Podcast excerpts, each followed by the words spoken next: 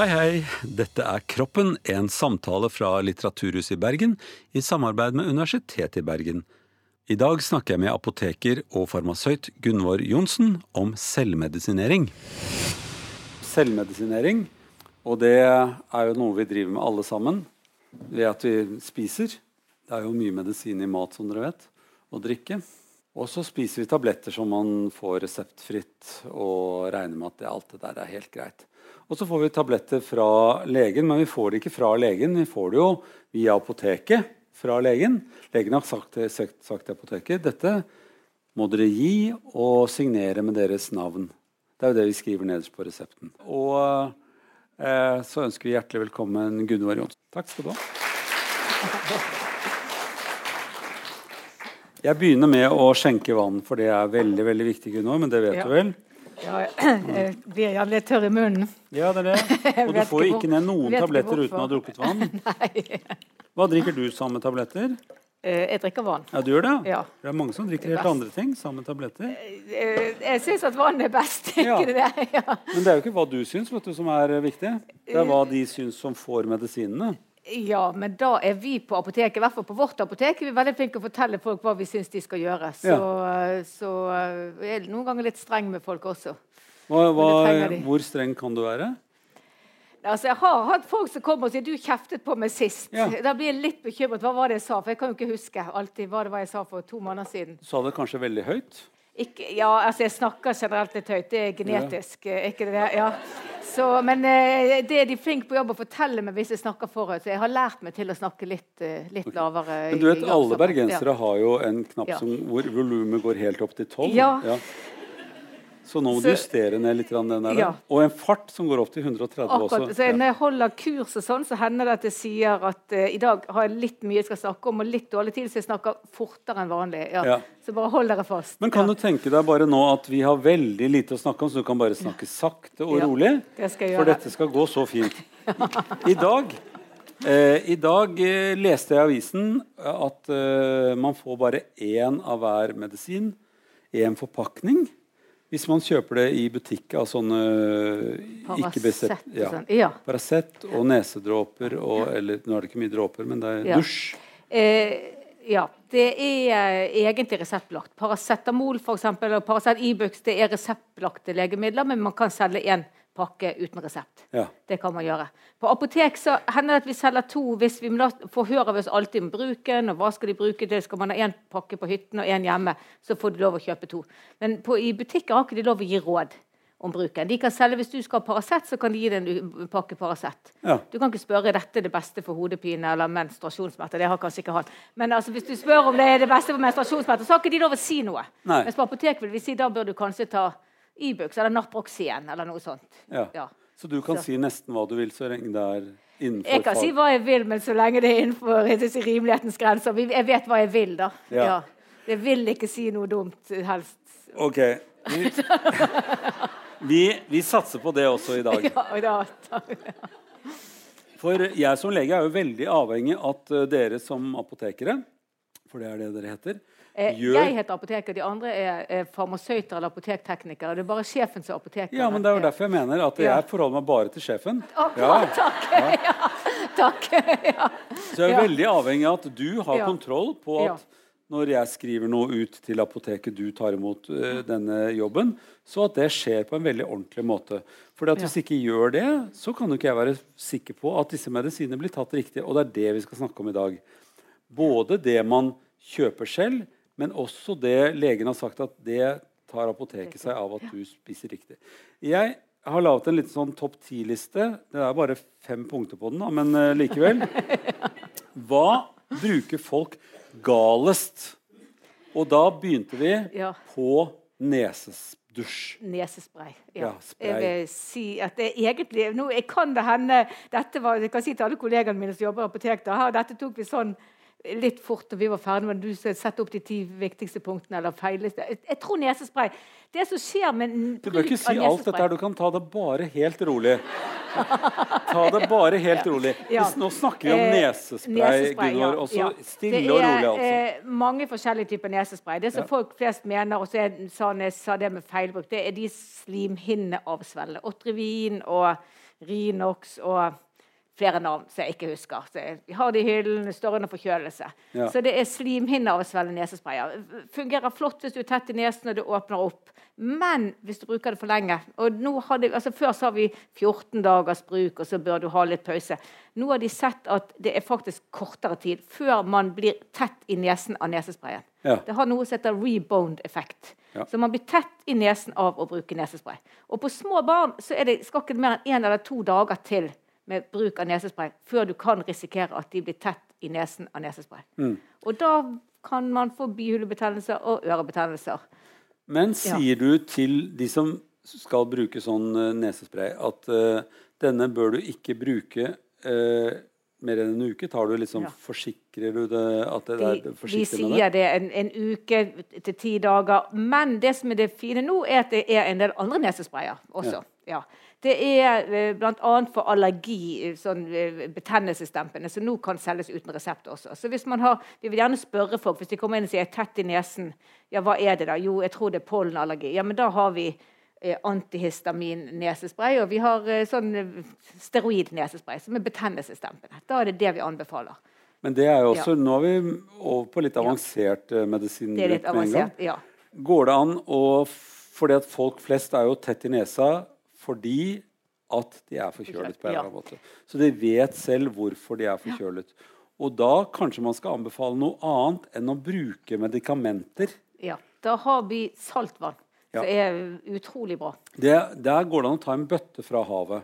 Ja, faktisk så kan en bøtte fra havet Hvis det var rent vann der, da selvfølgelig. Det, Det rent bedre. Ja, det var rent vann i havet. Ja. For der er det litt mer salt enn det som er fysiologisk saltvann. Vi har i alle år, eller mange år solgt eh, spray og nesedråper med fysiologisk saltvann. Mm. Det, er like, det er sånn at det skyller vekk snott, men det åpner ikke noe opp. Mm. I havet er det mer salt enn fysiologisk. Mer enn 0,9% natriumklorid til de som eh, jobber i apotek og er fagpersoner her. Eh, sånn at, og det har vi fått nesespray også nå som inneholder mer salt. Da er det noe som heter osmose, som du sikkert lærte en gang på ungdomsskolen. eller Ja, nå snakker vi i radioen, vet du, så det er mange som ikke kan dette her. Ja. Eh, osmose Ja, ja nå har du malt deg inn i et hjørne. Jeg lover deg det. Så, men altså, det er, å, det er noe trekker, eh, trekker vann ut av ting, for det er en sterk løsning. Og noe som er en altfor svak løsning, dytter vann inn i kroppen. Han har lært. Ja, ja, ja, ja. Så eh, poenget mitt var at hvis jeg bare skyller nesa i havet ved å suge det inn sånn at jeg nesten blir kvalt, og så kaster alt sammen ut igjen Og det gjør jeg hver gang når jeg Er bader morgen, nei, morgenbad om sommeren. Så derfor får jeg liksom Men man kan Da- gjøre dette her hjemme også ved Du bør ikke snakke, si noe akkurat nå. Ved, ved å ha et sånt horn som man kan neseskylle seg med. Ja. Men Ja. bare litt sterkere eh, enn 0,9. Akkurat. Ta litt mer. Vi har en nesespray som faktisk er fire ganger så sterk. Ja. Men da får du én dusj. og det er greit. Så hvis du skal ta et nesehorn, så bør du ikke ta fire ganger for sterkt, for det vil svi i nesen. Og det er litt gøy, for når jeg kjenner at det svir, Ja. så vet at det er for sterkt. ja, ja. Det er ikke noe verre enn det. Litt sviing kan du tåle. Litt sving tåler jeg. Ja. Eh, for det er jo ikke, jeg røyker jo ikke, så jeg har jo ikke mye andre gøye svinger eh, i nesa. Ja. Så eh, det der med å bruke nesespray skal man være ganske forsiktig med, fordi at man har jo eldre folk som har brukt nesespray veldig mye, som går og bare Det bare er en slags vind der det høres Ja. ut som en fløyte i nesa. Ja. Fordi at de er jo blitt så tette og, og så tørre Ja. på slimhinnene. Ja. Så ikke bruk nesespray hvis du ikke må. Det var det første Ja. på punktet mitt. Og hvis du må, hvis du er veldig forkjølet, så kan man men i noen dager. Eller Ja. opptil en uke, vil jeg si. Om det er noen dager mer hvis du er veldig forkjølet, men, men da, da må du i hvert fall kombinere det med sånn hypertont saltvann. Og selvfølgelig, bispa skal snakke i et selskap og Ja. holde tale og sånt, Ja. så går det an å bruke desperat Ja. akkurat da. Da, da sier jeg dop, dop det ned, sier Ja, jeg da. for det er- det er ålreit. det er helt greit. Så vi, vi skal, ja. Det kommer til å snakke mye om i kveld at man Ja. kan gjøre ting kort, eller ta en kort kur Men Ja. vi skal også snakke om ting hvor man må ta hele kuren ut. Ja. Punkt to. Nå kommer vi til smertestillende. ja. Det er, det er et ganske stort punkt. Det er et stort punkt. Ja. Ok, Vi begynner med enkle ting. Folk knasker jo sånn Ja. uh, ting som er mot smerter. Fordi at de har en kultur i hjemmet sitt. Jeg tenker at Det fins noen, noen hjemmekulturer som er sånn Nei, her i huset tar vi ikke tabletter hvis vi ikke må. Og andre steder så er det sånn Hvis vi får litt vondt, så tar vi tabletter. Ja, det er det. Jeg, jeg vokste opp eh, med rød saft og sukkerkavringer. Det hjalp for alt. Vi hadde ikke smertestillende før jeg begynte i apotek som 18-åring. Eh, 19-åring var jeg kanskje. Ja. Vi hadde Men- globoid til ja, det ikke fantes å selge lenger. For Ja. det var alltid en sånn kjøleskapdør. Det var globoid. Ja. Sa mor. Og det, hvis det skulle skje noe, så, tar man en sånn. Ja. Så, Men nå virker det som om kulturen har forandret seg. Akkurat som man drikker sinnssykt mye mengder med, med brus, Ja. så spiser man også ganske lett smertestillende uten å tenke på hva er det det egentlig gjør med kroppen min. Eh, Det er, enig i det. og Det dumme, altså det at man, man selger det i butikker og bensinstasjoner, så tror folk at Paracet eksempel, er helt ufarlig. Det, det selges jo overalt. Mm. Det er det ikke. Det skal ikke mer enn altså, nå skal ikke, Dette kan du også snakke en time om. Ja, vi gjør ikke ja, det. Jeg skal ikke gjøre det, nei. Ta kortversjonen. Kortversjonen. Pa, eh, Paracet er faktisk veldig farlig hvis man tar for mye av det. Du skal ikke ta mer enn altså, seks eller åtte tabletter i døgnet maks i en kort periode. Hvis de som skal bruke det så smertestillende over lengre tid, og da bør man ha resept fra lege selvfølgelig seks om dagen. kan man ta. Men et, hvis man tar for mye Det var en mann for noen år siden som hadde tannpine. Han tok 20 paracetamol i løpet av et døgn. Fordi han ikke noe misbruk. Altså, han hadde tannpine. Han døde av det. Ikke noen kjekk måte å dø av. Det tar noen dager før man begynner å bli dårlig, og de skjønner at oi, det var paracetamol, han tatt for mye av det. Da er det for seint å gjøre noe. Hvis du oppdager det med en gang at man har tatt for mye, så er det en motgift og sånn. Men mm, oppdager du etter noen dager, så er det ikke noe å gjøre. Så ikke noen kjekk måte å dø på, så ikke noe å anbefale. Men, eh, men det er, er mange som bruker paracetamol så sånn litt for sikkerhets skyld og forebyggende. Og Gunnar, Gunvor, ja. jeg tror også vi skal ikke spørre deg om hvilken måte man skal dø på. Nei. Så det, nei, det tar, ja. For, det, for det, kan vi, det kan vi ta i en annen samtale. en annen, ja. Eh, Men, men eh, smertestillende som man får kjøpt, er paracetamol. Og så får man kjøpt eh, sånn Ibux-aktige ting. Ja, ja. Eh, vi må si litt, for at Ibux høres ut som det er bare sånn, en sånn damemedisin på en måte mot, eh, mot uh, underlivssmerter. Nei. Det var litt veldig generelt, merker jeg med en gang. ja. Jeg prøvde å være veldig Eh, forsiktig her, men jeg, jeg eh, vasset ut i det. Ja. Eh, Det som heter NSIDES, som er altså Ibux, Naproxen og Voltaren Nå må jeg si til alle sider flere jeg skulle tatt med, men det er en, en rekke av de. De er smertestillende og betennelsesdempende. Mm. De er febernedsettende også. Noen ganger kan de være bedre som febernedsettende enn en paracetamol, f.eks. Mm. Men nå kan vi snakke om feber en time òg, for det er jo egentlig en naturlig reaksjon som vi ikke alltid skal fjerne, skulle jeg til å si. Men, eh, men eh, smertestillende betennelsesdempende. Veldig bra for muskelsmerter. Det fins i geléform også, faktisk. Når du tar det i de blodfortynnende, sånn at hvis du tar det i tabletter, så kan du bli dårlig i magen. Da går det an, altså Har du sånn stresshodepine fordi du er litt stiv i skuldrene, smør inn Voltarol, Ibux. Det skal ikke være noen reklame for noen. Vol- Voltaren, Ibux Uh, vi har flere der også. Orudis den er på resepter. Men altså, massere de inn her, så får du smertestillende betennelsesdempende i skuldrene som gjør at hodepinen blir, forsvinner. Dersom du har hodepine. Ja. dersom du har hodepine, så kan du prøve det. Ja. Mm. Men altså, både smerter har en funksjon, og Ja. feber har en funksjon i kroppen vår. Altså, det å ha smerter er jo noe man skal kjenne til virkelig om man skal bli kvitt. Eh, I gamle dager så var det å ha smerter Det betød at da skal man legge seg litt nedpå og ha det litt mørkt og litt kaldt. Ja. Og så kan smertene gå over. Hvis det er sånn Ja. at man til vanlig er frisk.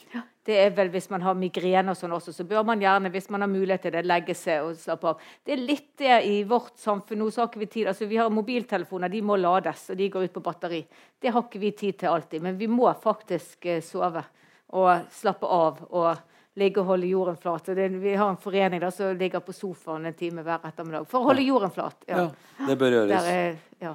Ja, jeg, Så det er viktig, rett og slett viktig å slappe av. For det alle, altså, jeg skal ikke si at alle med ME og sånn utmattelse Jeg skal ikke si at det er fordi de stresser for mye, men det er veldig mange som skal, Vi skal gjøre alt. Så at vi skal være med på alle ting. Og det er ikke alltid altså, Man bør slappe av også. Men Nå sa du til og med ME. Det skal vi ikke snakke om. Nei, det skal ikke vi snakke Nei. om. Nei, det er Eh, ikke Så det er mange ting vi ikke skal snakke om i dag. Vi skal snakke om tablettbruk som folk, Ja. som Eh, folk ja. De bruker tabletter uh, som de kanskje ikke trenger, og de bruker det kanskje uten å vite om de trenger dem eller ikke. Hva Ja. vil du si til en som kommer inn i apoteket og sier jeg, jeg, jeg må ha noe for jeg har så vondt? Da- For det er jo et veldig generelt ja, ting som folk sier. Da vil vi først begynne å spørre hvor har du vondt, og hva er det. Hvis det f.eks. er at de har vondt i bihulene, så ville jeg solgt nesespray. Altså den Mm. hypertone saltvann, f.eks. Eller og Paracet, gjerne. På mange, mange typer hodepine så kan faktisk en Paracet og en Ibux hjelpe. Mm. Og der er- har det vært sagt noen ganger at man må ikke blande de. Det er sagt av en, en i, i Legemiddelverket. Han har sagt at for folk flest så holder det med Paracet. Og Da ble det tolket av VG for noen år siden at man må ikke blande Paracet og Ibux. Det kan man godt gjøre. Helt greit. Jeg sier ofte bruke flere ting, altså flere ting i lavest mulig dose. For å få virkning. Så virker det på forskjellige måter, og det er mindre sjanse for at du får bivirkninger av den ene eller av den andre. Ja. Så, så der, men da må man selvfølgelig hva slags smerter, hvor er det, hva er det. Så det er noe vi kaller behovskartlegging. Vi snakker med, eh, med kundene våre hele tiden og hører med hva er det hvor er det vondt, og hva er det Vi selger jo en del Paracet. For Paracet vet jo veldig mange. Har du hodepine, tar man Paracet. Men vi prøver å snakke med folk også. Spørre hva, hva slags smerter. Jeg tror, etter hvert så oppdager jeg nå at forskjellen på hvordan du snakker med folk og jeg snakker med folk, det er at du kaller dem kunder og jeg Ja. kaller dem pasienter. Ja. Ja, det Vi, jo... jeg driver, vi driver butikk. Vi Ja. gjør jo det. Det gjør jo egentlig du også, da. Eller, Nei, men- altså, vi, vi gjør ikke det på hver vår måte, så det, er, det er litt men, forskjellige er slags butikker. Ja, ja. men jeg vi driver butikk. Det er en faghandel, og vi skal, vi skal drive butikken vår godt og, Ja. og trygt. Og vi skal bry oss om våre kunder. Så Derfor så er det mitt apotek et av de største i landet, fordi vi bryr oss om våre kunder. Og da kommer de tilbake til å sitte lange, lange køer og venter. Ja. Som, som på en god restaurant. Akkurat! Ja, ja, ja. ja. Venter du på noe godt, så venter du ikke forgjeves. Ja. Men er, er du bekymret for at folk Ja. bruker, bruker for mye smertestillende? Uh, ja, det Mm. er jo faktisk. Og det de selger det rundt omkring. Og i butikkene skal de ikke gi råd, men jeg har stått i kassekø på butikken hvor noen sier at jeg skal ha Paracet. Ja, vi er utsolgt, men Ibux er det samme. Ja, det ja. er det ikke. Og Nei. det er ikke alle som skal bruke Ibux. Altså, bruker du blodfortynne, har du magesår altså, Man skal høre etter. Har du astma, skal man gjerne være forsiktig med å bruke det. Så der er det også litt sånn behovskartlegging som de ikke har lov til å gjøre i butikken, ikke Mm. skal gjøre. Sånt. for veiledning burde Ja. man gå på et apotek Ja. og snakke om medisiner. Eh, det som er med, med smertestillende medisiner, er jo at de veldig ofte har interaksjon med, med andre medisiner som man tar. Ja. Så folk som tar flere medisiner, skal jo være De- obs på interaksjon. Altså det at det virker sammen med hverandre. Ja, det er, er Kan vi, kan vi gi Ja. noen greie råd til folk som, som tar medisiner for et eller annet, og, og lurer på om de skal ta noe smertestillende i tillegg? Da bør de spørre på apoteket. Ja. Jeg bruker sånn og sånn, og kan jeg ta dette? Det som også er, Hvis du henter ting på resept, så bør man gå på samme apotek. For apotekene har eh, de aller fleste i hvert fall, et sånt system som går tre måneder tilbake i tid og ser hva har du fått. Så hvis du f.eks. bruker kolesterolsenkende Nå vet jeg ikke hva han bruker, for han bruker ikke mitt apotek. Kanskje han ikke bruker medisiner. Men kolesterolsenkende, så får du en infeksjon, du går på legevakten for antibiotika. Det er noen typer antibiotika som gjør at eh, kolesterolmedisinen din blir seinere ut av kroppen. Den får femdoblet virkningen. Og det vil si mye større sjanse for bivirkninger. Jeg hopper litt tilbake igjen på Ja. smertestillende. Eh, hva, hva, hva bør man tenke på når man Ja. har medisiner Ja. og Ja. kanskje har lyst til å ta noe smertestillende fordi man har vondt? et eller annet Altså. Førstevalget er Paracet, og det går vel til det aller, aller, aller, aller, beste. Det gjør det. Så det er greit å ta én Paracet Paracet. er, er én eller to for voksne er greit. Følge doseringen som står på pakken. Det er trygt og greit. Ja. Og jeg men, vi mener jo ikke at det å ta e- et par ta, tabletter mot smertestillende i et par-tre dager fordi at er, man har veldig vondt pga. et eller annet som er veldig klart, det er ikke Det, noe farlig. det, nei, det er helt greit. Men man skal passe seg for at man ikke tar tabletter som man ikke vet hvordan virker sammen. Det er viktig. Men Ja. da er det sånn som Paracet virker på det meste. Og det, men vi gir også råd med sånn folk som har vondt i ryggen, f.eks. Så det viktigste rådet er å ikke legge seg ned på sofaen en time, men heller gå på tur. Sant? Altså bevege seg. Så vi gir ofte sånne råd også, Mm. Ja. som prøver å få folk vekk fra kanskje å bruke smertestillende. Eller forteller om eh, støttebandasje til kneet som de kan bruke når de går ned fra Ulrikken, ikke opp på Ulrikken. sant? Sånne, sånne ting gir vi råd om også. Så eh, ja. Du driver med litt av hvert, Vi driver med alt. Ja, ja, ja. Så koselig. Eh, eh, en annen ting som, som folk får i perioder Én ting er smertestillende. En annen ting er og nå, nå tenkte jeg smertestillende også i forhold til at, at, at kvinner har menstruasjonssmerter, og at det er en vanskelig periode for mange kvinner veldig ofte. At uh, hvor, Kan jeg ta noen ting? Hvor mye kan Ja. jeg ta i forhold til at jeg jobber, eller i forhold til at jeg vet at det går over, og nå var det veldig ekkelt, og nå er det ganske greit. Det å, det å forsøke å bruke så lite som mulig, er det et poeng?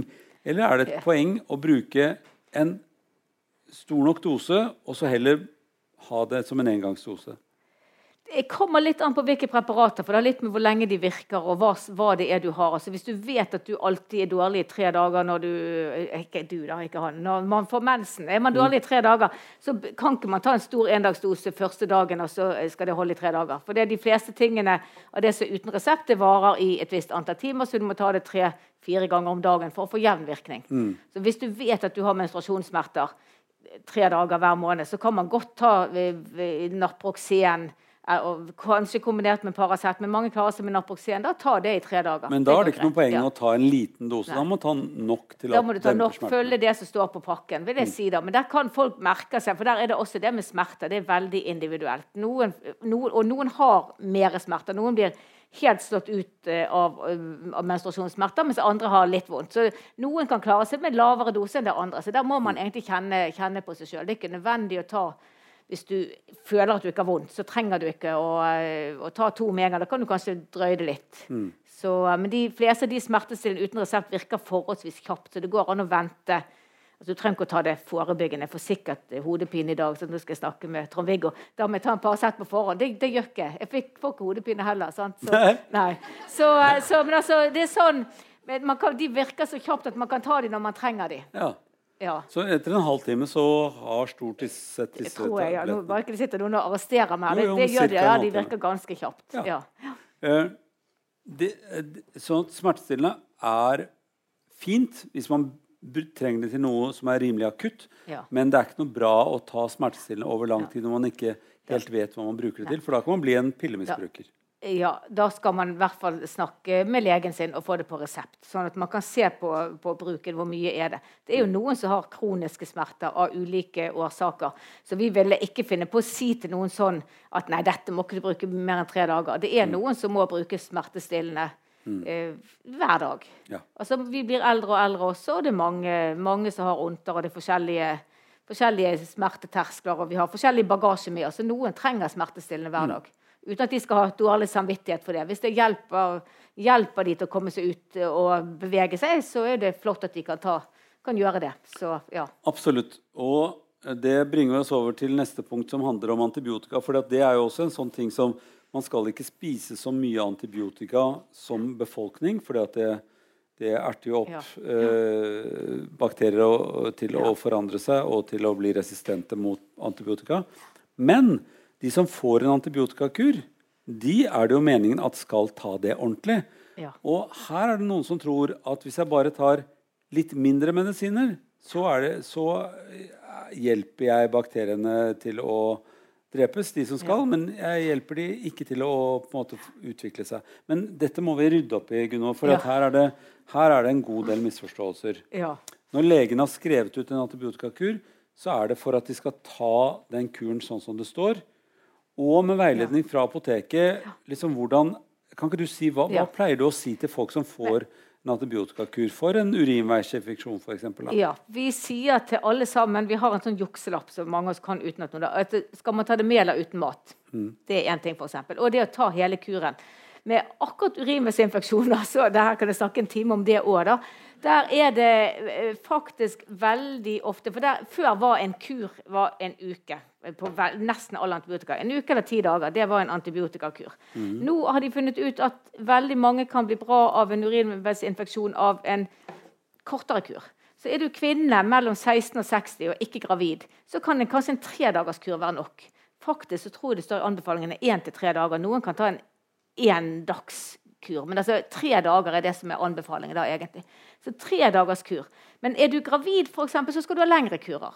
For det, det kan bli nyrebekkenbetennelse, det kan være med å sette i gang eh, en fødsel. som da kanskje kan være for tidlig hvis man er sånn tidlig gravid. Da heter det gjerne ikke fødsel. Men, eh, men eh, viktig å ha lange nok kurer. Der er det en del leger som eh, har fått med seg dette med de tredagerskurene. Men de skriver ut tredagerskurer til damer på 80 år, eller til gravide mennesker, eller til menn som skal ha, eller barn. De skal ha lengre kurer. Barn, altså Kvinner under 16 år, kvinner over 60 år, gravide og menn skal ha, fem til syv dagerskurer eller lengre. Så der sier vi til folk Det er heldigvis mange leger som følger med. De sier på legevakten da får folk Eh, damer gjerne nok tabletter til fem dager. og Så sier legen du skal bruke de tre til fem dager til du er bra to dager til. Det er det vi sier også. Hvis du etter fem dager ikke er bra, så må du gå og snakke med fastlegen din. Og eventuelt få en lengre kur eller få en annen type antibiotika. For det er ikke alltid at førstevalget virker. Mm. Så det vi sier hos oss, er til kanskje ikke til alle, men vi prøver å si det til alle, at en kur er ikke en eske. Sånn som det var før i tiden. Dette er kuren, dette legen sagt, dette skal du ta. En kur er av denne typen antibiotika til du er bra, og to dager til.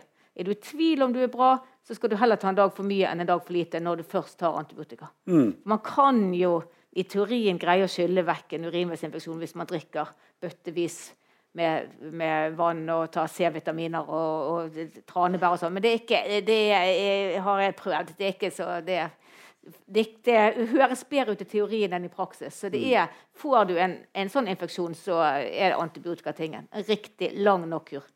Så ringer, Jeg ringer til leger hvis jeg skriver ut en tredagers kur til en 80-åring. Så ringer jeg til legen, og nå er det jo så lett at vi kan finne mobilnummeret til disse legene. Så vi kan ringe hjem til dem på fritiden. Vi altså si, Mente du virkelig at eh, gamle fru Olga Olsen, som eh, fiktivt navn, da, at hun skal bruke en tredagerskur? Det er ikke ifølge retningslinjene. Og da er de aller fleste legene veldig takknemlige for at vi ringer. Sier mm. oi, det har ikke jeg fått med meg at det er det er retningslinjer. Det har de sikkert fått med seg, men at det er det som står i retningslinjene. For de har jo uhorvelig mange retningslinjer de skal følge med på. Men det å og tenke at jeg må sjekke på apoteket hvordan er meningen at jeg skal ta disse tablettene. Det er en del av, av, det ansvaret man har når man skal medisinere seg selv. Ja, jeg vil si at Det er ansvar til apoteket å si det. Nå er ikke det alle apotek eh, dessverre som er like flinke. Jeg snakket litt sånn stygt om leger i som skrev ut om eh, for korte kurer. Men det er ikke alle apotek som sier det heller. Jeg synes Det er faktisk apoteket sitt ansvar å si det også, og passe på at folk tar får riktig kur. At de forstår viktigheten av å ta alt. Altså Når de får en tidagerskur mot en, eh, mot en uh, lungebetennelse Du skal ta alle tablettene. Selv om du blir bedre, så skal du ta hele kuren ut. Mm. Altså Det skal vi si. Det er vårt ansvar òg. Så uh, ja.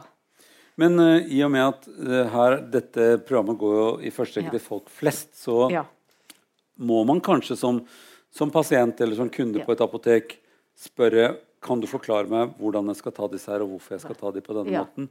For det er jo ikke sagt at man alltid har fått med seg det når man er på legevakten eller er, er akutt syk. Det er ikke selvsagt. Nei da, det er veldig mange som gjør ting som vi ikke vi ikke kan tenke og forestille oss at de vil gjøre. Så, mm. så ofte er det sånn når vi sier ting, ta disse med mat. og 'Å ja, må jeg spise litt?' Og så det, må vi forklare hvorfor skal du ta disse til mat. Sant? Dette gjelder gjerne andre ting enn antibiotika. Men altså, når vi sier med ting, ta det før mat eller etter mat eller til mat, så sier vi hvorfor de skal gjøre det også. Sånn at de mm. skal forstå det. Sånn at kanskje hvis legen sa noe annet Legen sa sånn som vi har noe smertestillende som er det som heter enterotabletter.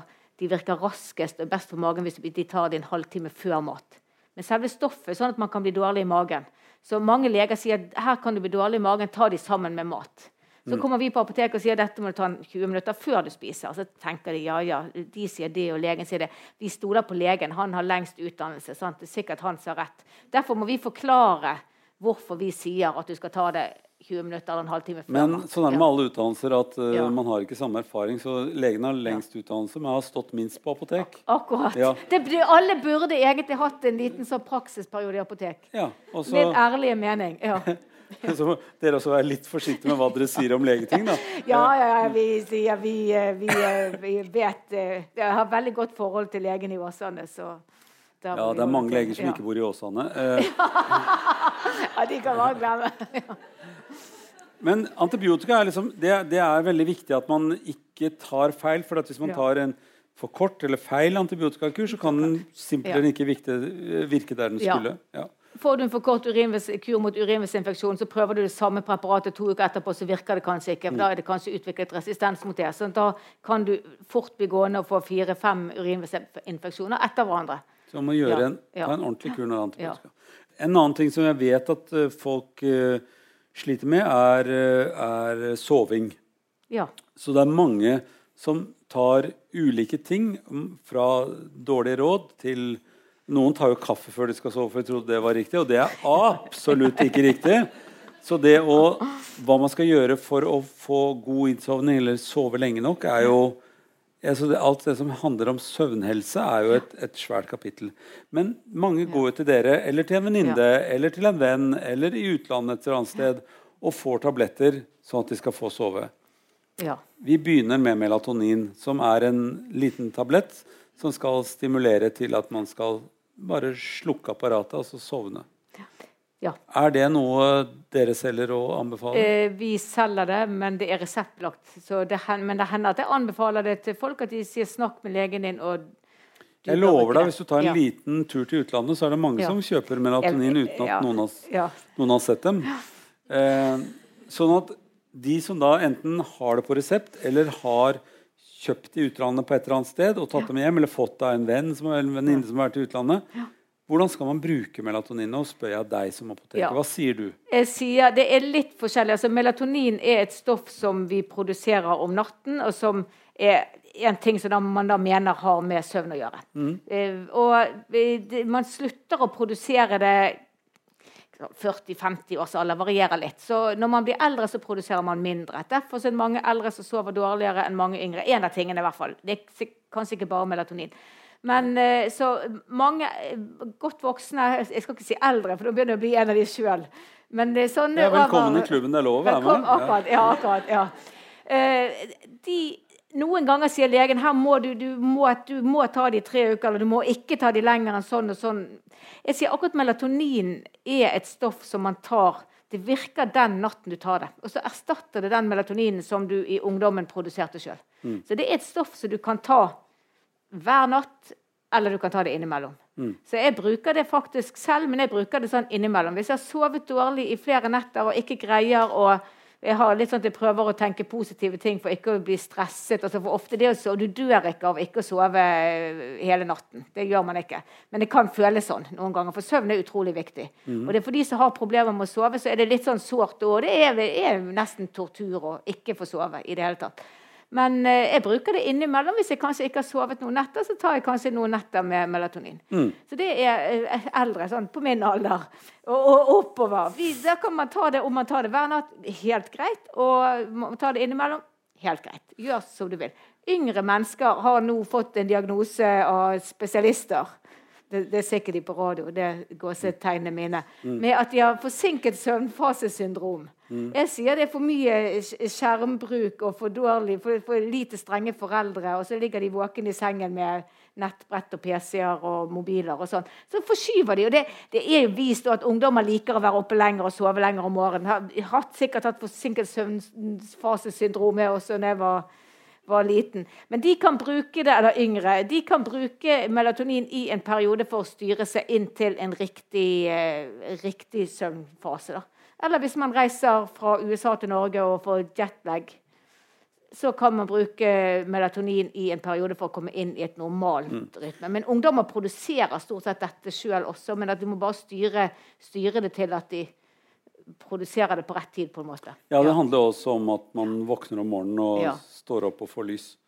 Så, ja, det har med mørke og lys å gjøre. og alt sånt. Ja. Så det er verre å sove i Nord-Norge f.eks. For fordi at hvis man er gammel og, og, ikke får sol, så det er vanskelig det også. Altså, men nå fins det jo masse sånne ting.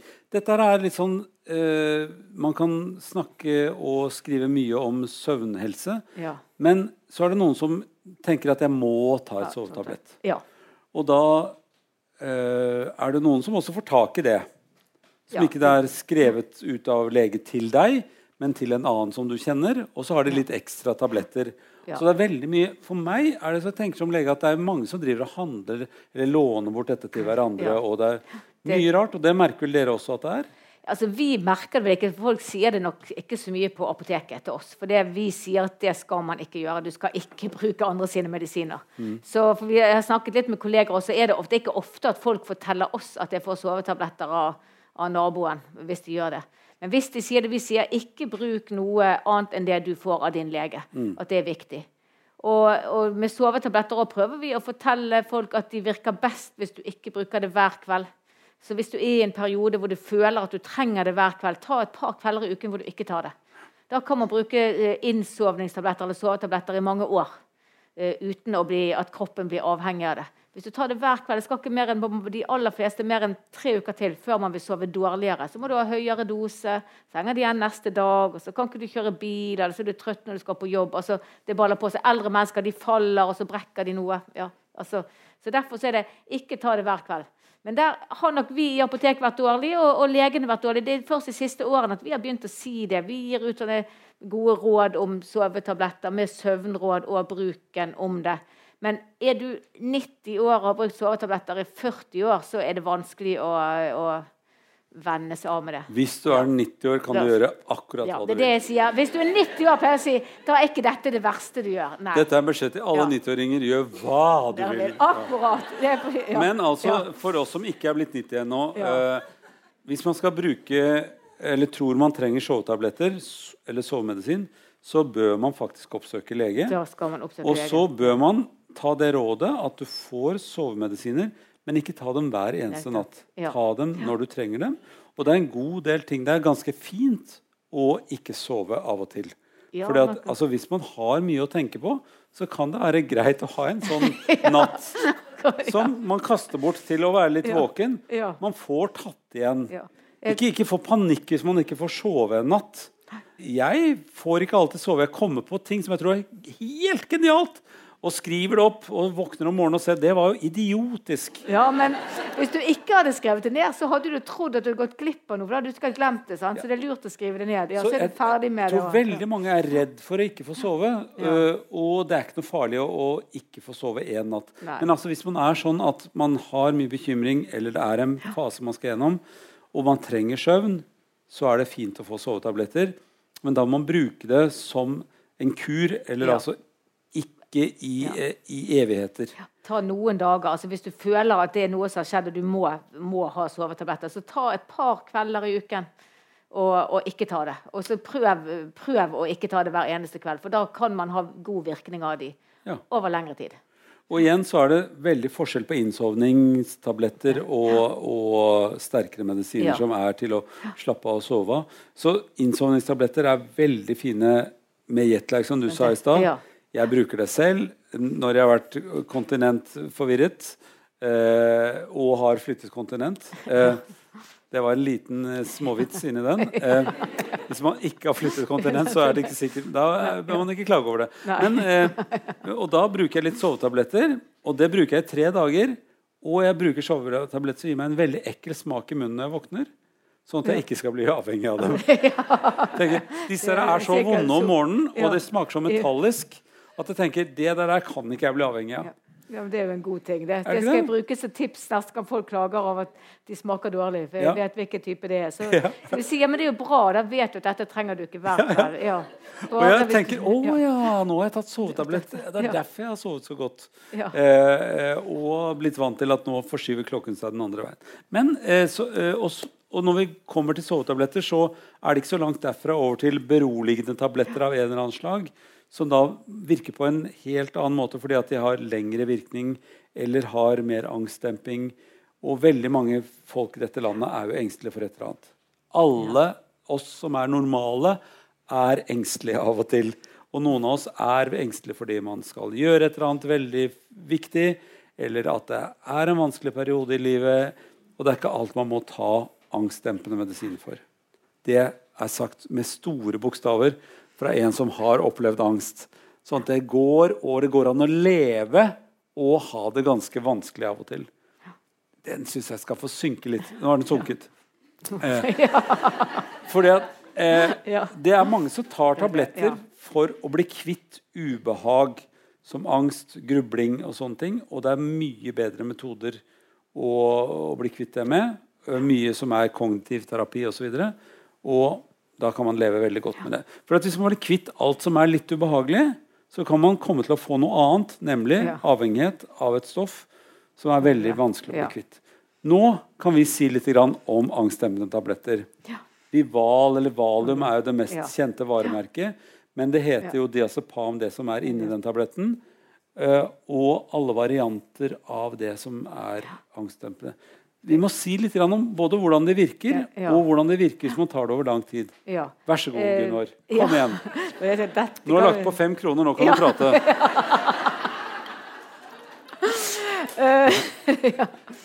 Valium har veldig lang virketid. Og det, den øker med alderen. Altså Med alderen så får man dårligere nyrefunksjon, og man får forskjellig fett-vannbalanse i kroppen. Sånn at veldig mange legemidler virker lengre når man blir eldre. Hvis, eh, hvis du er 20 år og tar en valium, så, så det, har en så lang halveringstid. Det tar fem dager. Da er alt ute av kroppen. Er du 80 år, så tar det tre uker. Oi. 500 timer før alt er ute av kroppen. Du er ikke, du er ikke dopet ned hele tiden, men, men hvis du har tatt en blodprøve på en 80-åring som tok én valium, så tar det altså tre uker før alt er ute av kroppen. Og hvis du da tar én valium hver dag, eller hver annen dag, Ja. så adderer dette seg. Så du, Ja, da blir du ja. Du går jo inn i et Du, du tåke. Du kommer opp i noe som heter steady state, så det går ikke, eh, det går ikke helt eh, til taket. Steady state kan vi kalle tåke. det med valium så er det tåke. Lavt skydekke i hvert fall. Lavt skydekke, ja. ja. Så eh, jeg var på holdt kurs for en pensjonistforening hvor jeg sa håper ikke noen av dere bruker valium. Jo, det var en mann han brukte en, en hver kveld for å sove. Sa, er ikke du trøtt hele tiden? Jo, jeg drikker grådig mye kaffe, sa han. Så Mm. han drakk kaffe hele dagen for å holde seg våken.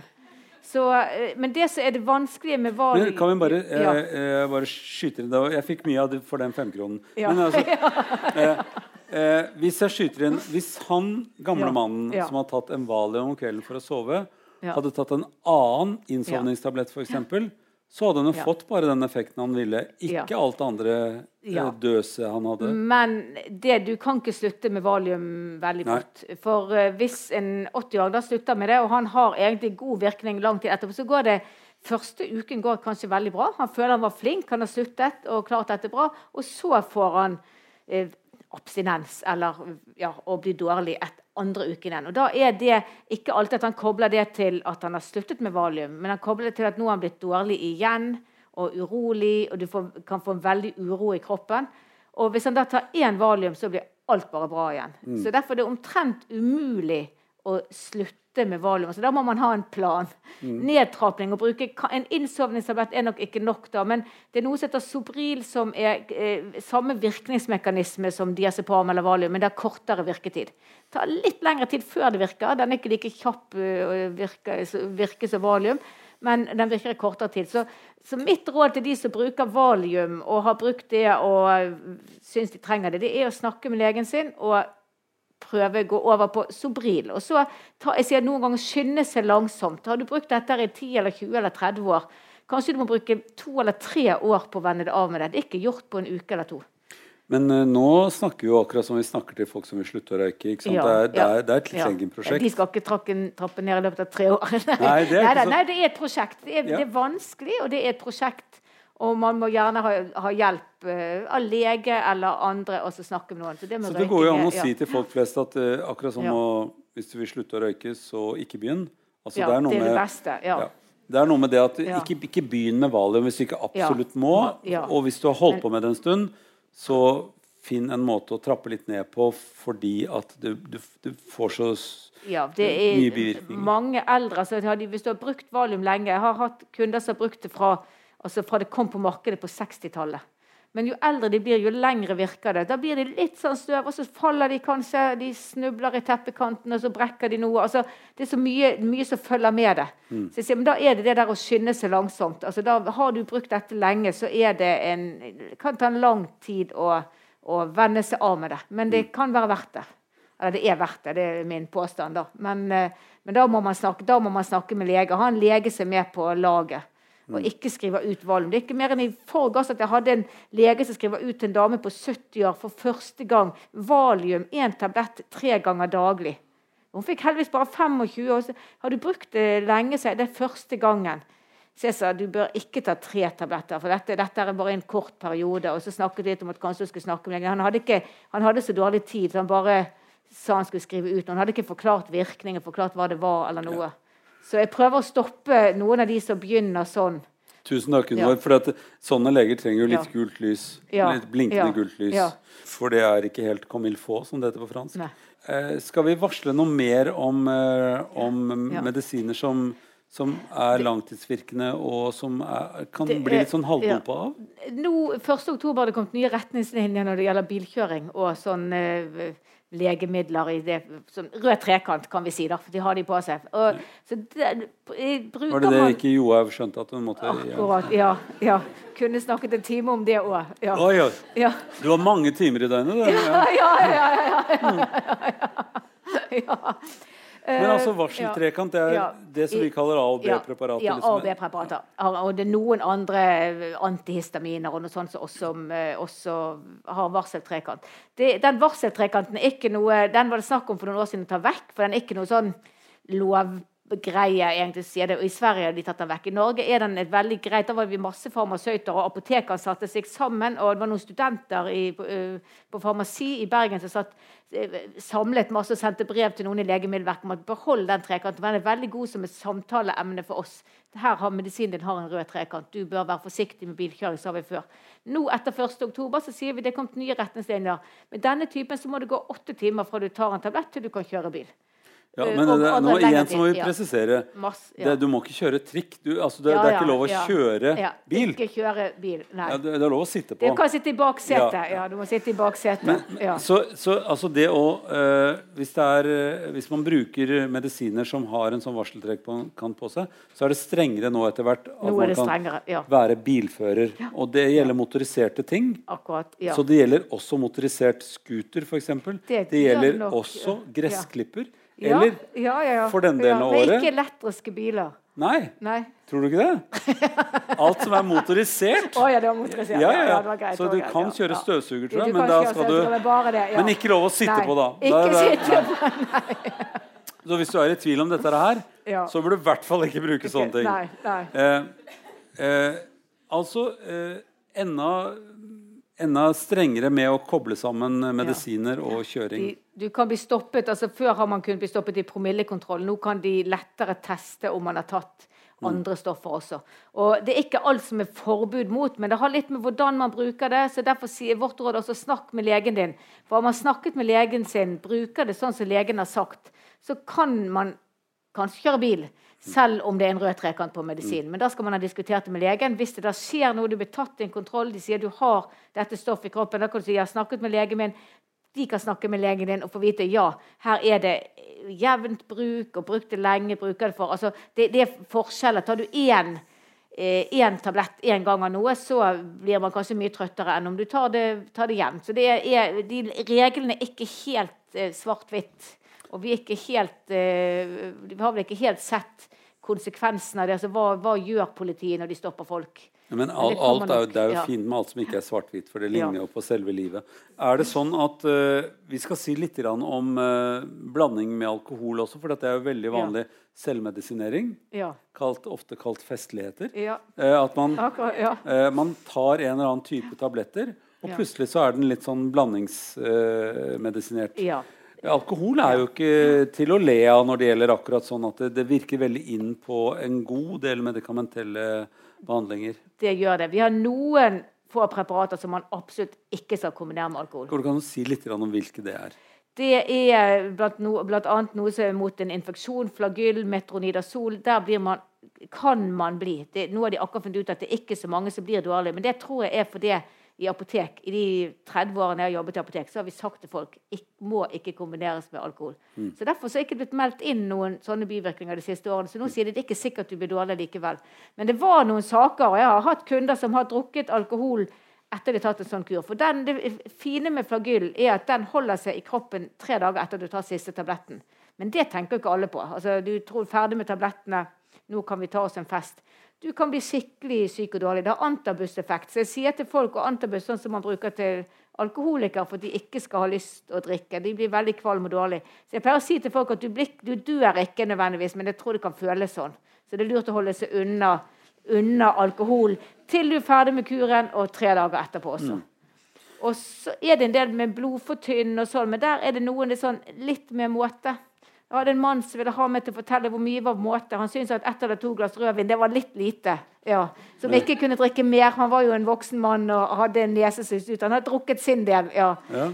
Så jeg, jeg, jeg kan ikke si noe mer enn at et glass eller to kan gå greit. Men altså, blod, nei, alkohol kan også være blodfortynnende, og det kan være dårlig for magen. Og kombinasjonen kan gjøre at man kan bli dårlig. Men du har sagt veldig tydelig nå, Gunvor, at, at det med, med alkohol, blanding med alkohol er ikke i utgangspunktet noe veldig bra.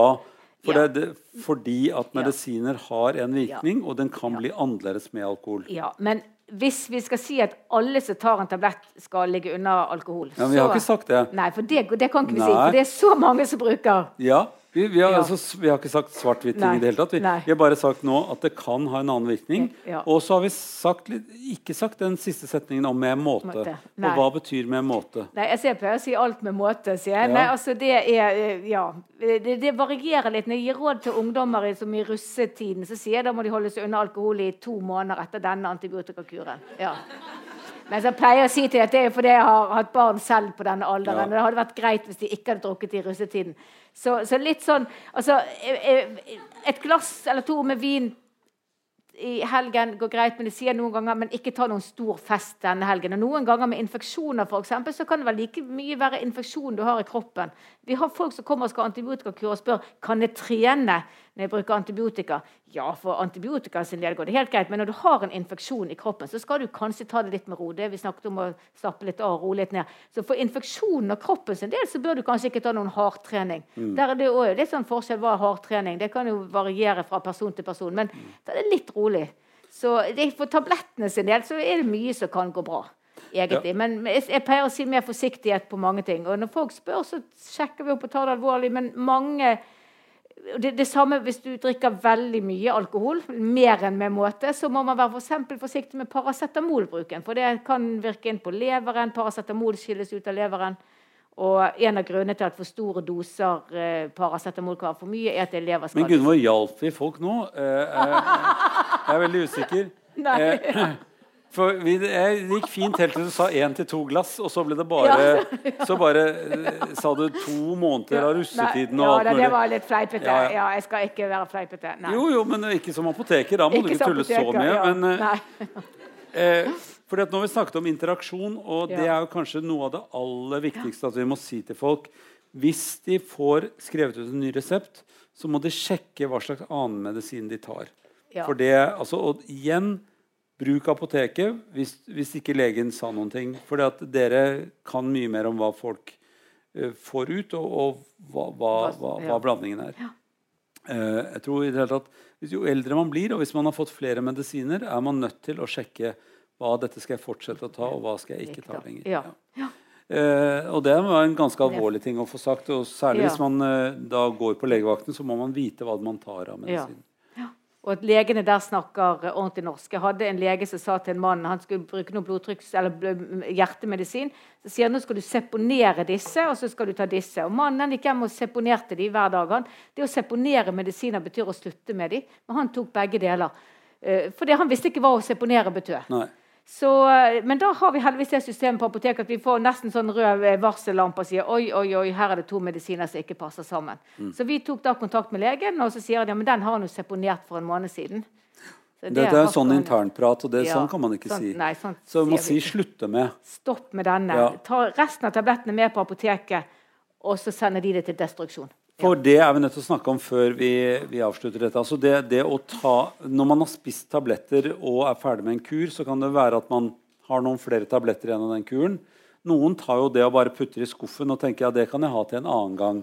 Ikke så lurt. Det er jo det er Ja. ikke bare ikke lurt, det er, det er veldig veldig dumt. Det kan være Ja, helt enig. Fordi at ja. eh, To tabletter er jo ingen Ja. kur, så man bør jo gå på apoteket med de tablettene. ja. Men er jeg, jeg føler at det er litt sånn flaut. Det er nesten sånn Nei. Å komme med den, 'Denne maten har vi ikke spist opp', og så ta dem med Ja. tilbake igjen da man har kjøpt ikke, maten? Ikke noe å være flau over. Det er, flere burde gjøre det, men de kan jo kanskje gå på andre apotek enn mitt apotek. For vi sender åtte svære kasser til destruksjon hver uke medisiner som folk har sluttet å bruke eller ikke skulle bruke mer. Eller når folk dør, så får vi disse restlageret inn på apoteket. Mm. Så vi sender utrolig mye medisiner til destruksjon. Hva, hva, Så, hva ja. skjer med destruert medisin? Det- Hva er det, hva er det de destruerer? Hvordan gjør de det? Det blir sendt til forbrenning i, til vår grossist i, på Østlandet. Uff meg. Ja. Så, så det, de går jo masse medisiner eh, Masse, rett i ja. Uff, da. Ja, veldig mye. Vi hadde noen studenter for noen år siden som hadde, gikk gjennom noen av de kassene vi hadde. Så så de på eh, utsalgsprisen på dette, hva det var. Og så regnet de ut at hvis denne kassen stemmer med disse åtte kassene, og så og så mange på, per måned, og så og så mange apotek i året, og, og sånn, så var det mange millioner Ja. i kroner i Norge som blir kastet. Men ja. eh, for eh, vi som er opptatt av litt sånn miljø eh, Hvis du vet at det er en lukket kartong eller en lukket pakke med, Ja. det, er jo, det er jo så, inni sånne ja. Hva heter det? for noe? Foliepakke. Ja, foliepakning. ja, ja. Hvorfor kan man ikke Ja. bruke det igjen? Eh, vi vet ikke hvordan det har vært oppbevart. Og det har vært saker fra USA hvor det var en luring som, eh, som eh, sprøytet inn ting i kapsler. Og, men han puttet, det inn, han puttet det på apoteket i hyller. Altså det er noen år siden. Så, så vi, hvis ikke vi vet hvordan det har vært oppbevart, så kan ikke vi selge det. Jeg, jeg har hørt om en eldre dame i Oslo sa det var en jeg kjenner som var på sånn hjemme, hjemmebesøk. Hun hadde en sånn gammeldags radiator, og der satte hun opp alle tablettene sine. Eskene passet mellom disse ja. Radiatoren, ja. Ja, ja, nesten sånn ovn som der borte. ja. Den var veldig varm. og Der hadde hun alle tablettene sine da på, på en sånn 50 grader eller noe sånt. Ja. 60 grader, kanskje. ja. Småkokt Så- tabletter. Ja, jeg er ikke sikker på at du ville hatt de. Hvis du kommer på apoteket, så jeg regner med at du vil ha noe okay. så du vet men at eh, de har Da blir jeg med ja. på det der. Alt må destrueres. Ja, Men, det, ja. men det, det å få levert den tilbake, det er nesten sånn Ja. som man rett og slett skal gjøre uh, Bør rydde i medisinskapet sitt med jevne mellomrom og ta ting tilbake til apoteket. ja. Ja. Og da sier apoteket 'tusen takk'. Tusen takk, sier vi kjempet. Kom vi bak, og søren, nå var det fullt Nei, det, igjen. Nei, det sier vi ikke. Nei. Det, nei, det gjør dere ikke. Nei, nei, nei, nei, vi sier tusen takk. Vi takker og bukker og er snille og grei og sender åtte kasser, svære kasser i retur. Hvis ikke du smiler når jeg kommer, Jeg da, smiler da alltid. Gjør du det? Ja.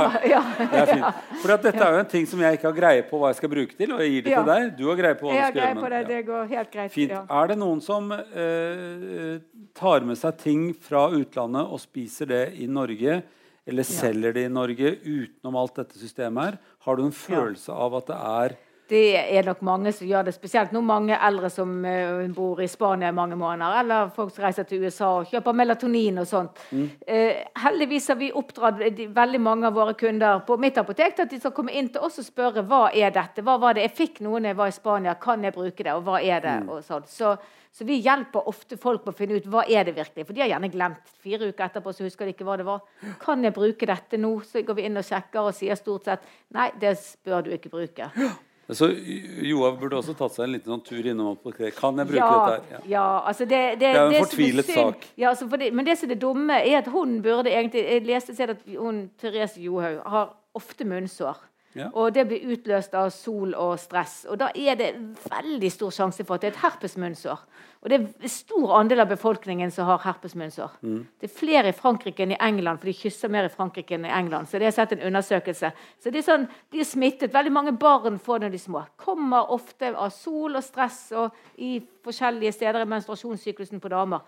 Så da er det enkle ting å gjøre for å forebygge å få et sånt sår som hun fikk. Så det er, Hun skulle alltid brukt en, en solstift, sånn eh, leppepomade med høy solfaktor. Faktor 50 eller noe sånt. Mm. Det skulle hun brukt hele vinteren når hun går på ski i Italia. Med en gang hun kjenner første prikkingen at nå kommer et munnsår, Så kan hun få en liten salve av deg som hun kan ha på. en liten salve som selges på, uten resept både i Norge og i Italia, og som ikke står på noen dopingliste.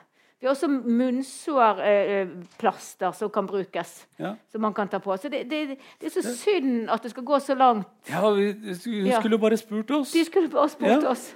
Så det har vært det en Facebook-gruppe som heter Farmasi, hvor de sier de skulle hatt ansatt en farmasøyt. Ja. Ja. Men dette er jo en Ja. tragisk ting. Men, og, og, og er sånne, det, ja. sånne tragiske ting skjer jo Det stadig nettopp fordi ja. at de ikke bruker Ja. dere til å hente ut kunnskapen. Ja. Og det er ikke noe flaut å gå til en apoteker eller til en farmasøyt og si. Kan, hva skal, Hva kan jeg jeg bruke dette? Skal jeg gjøre det, bruke dette For, nå? for En av mine kjepphester med veldig mange ting er jo det å forebygge. Så Har du hatt tre urinveisinfeksjoner, så skal du få råd på apoteket. Hva gjør vi for ikke å få flere? Mm. Man skal ikke nødvendigvis trenge å få urinveisinfeksjoner. Masse råd der. Samme ørebetennelser, bihulebetennelser, munnsår. Mange ting. Har du fått det noen ganger, da vet man etter hvert Det var sånn og sånn og sånn som utløser det. Da kan du få råd på hva du skal gjøre for ikke å få det igjen. Flott. Ja. Vet du hva? Nå har vi snakket i én time, eh, og du har fått sagt så mye, Gunvor. Og du kunne snakket én time om alle Ja, de tingene du ja, ja, snakket om. Så tenk hva vi fikk gjort på denne timen. Og tusen takk for at jeg fikk være sammen med deg og gjøre dette her. Takk for nå. Det var hyggelig.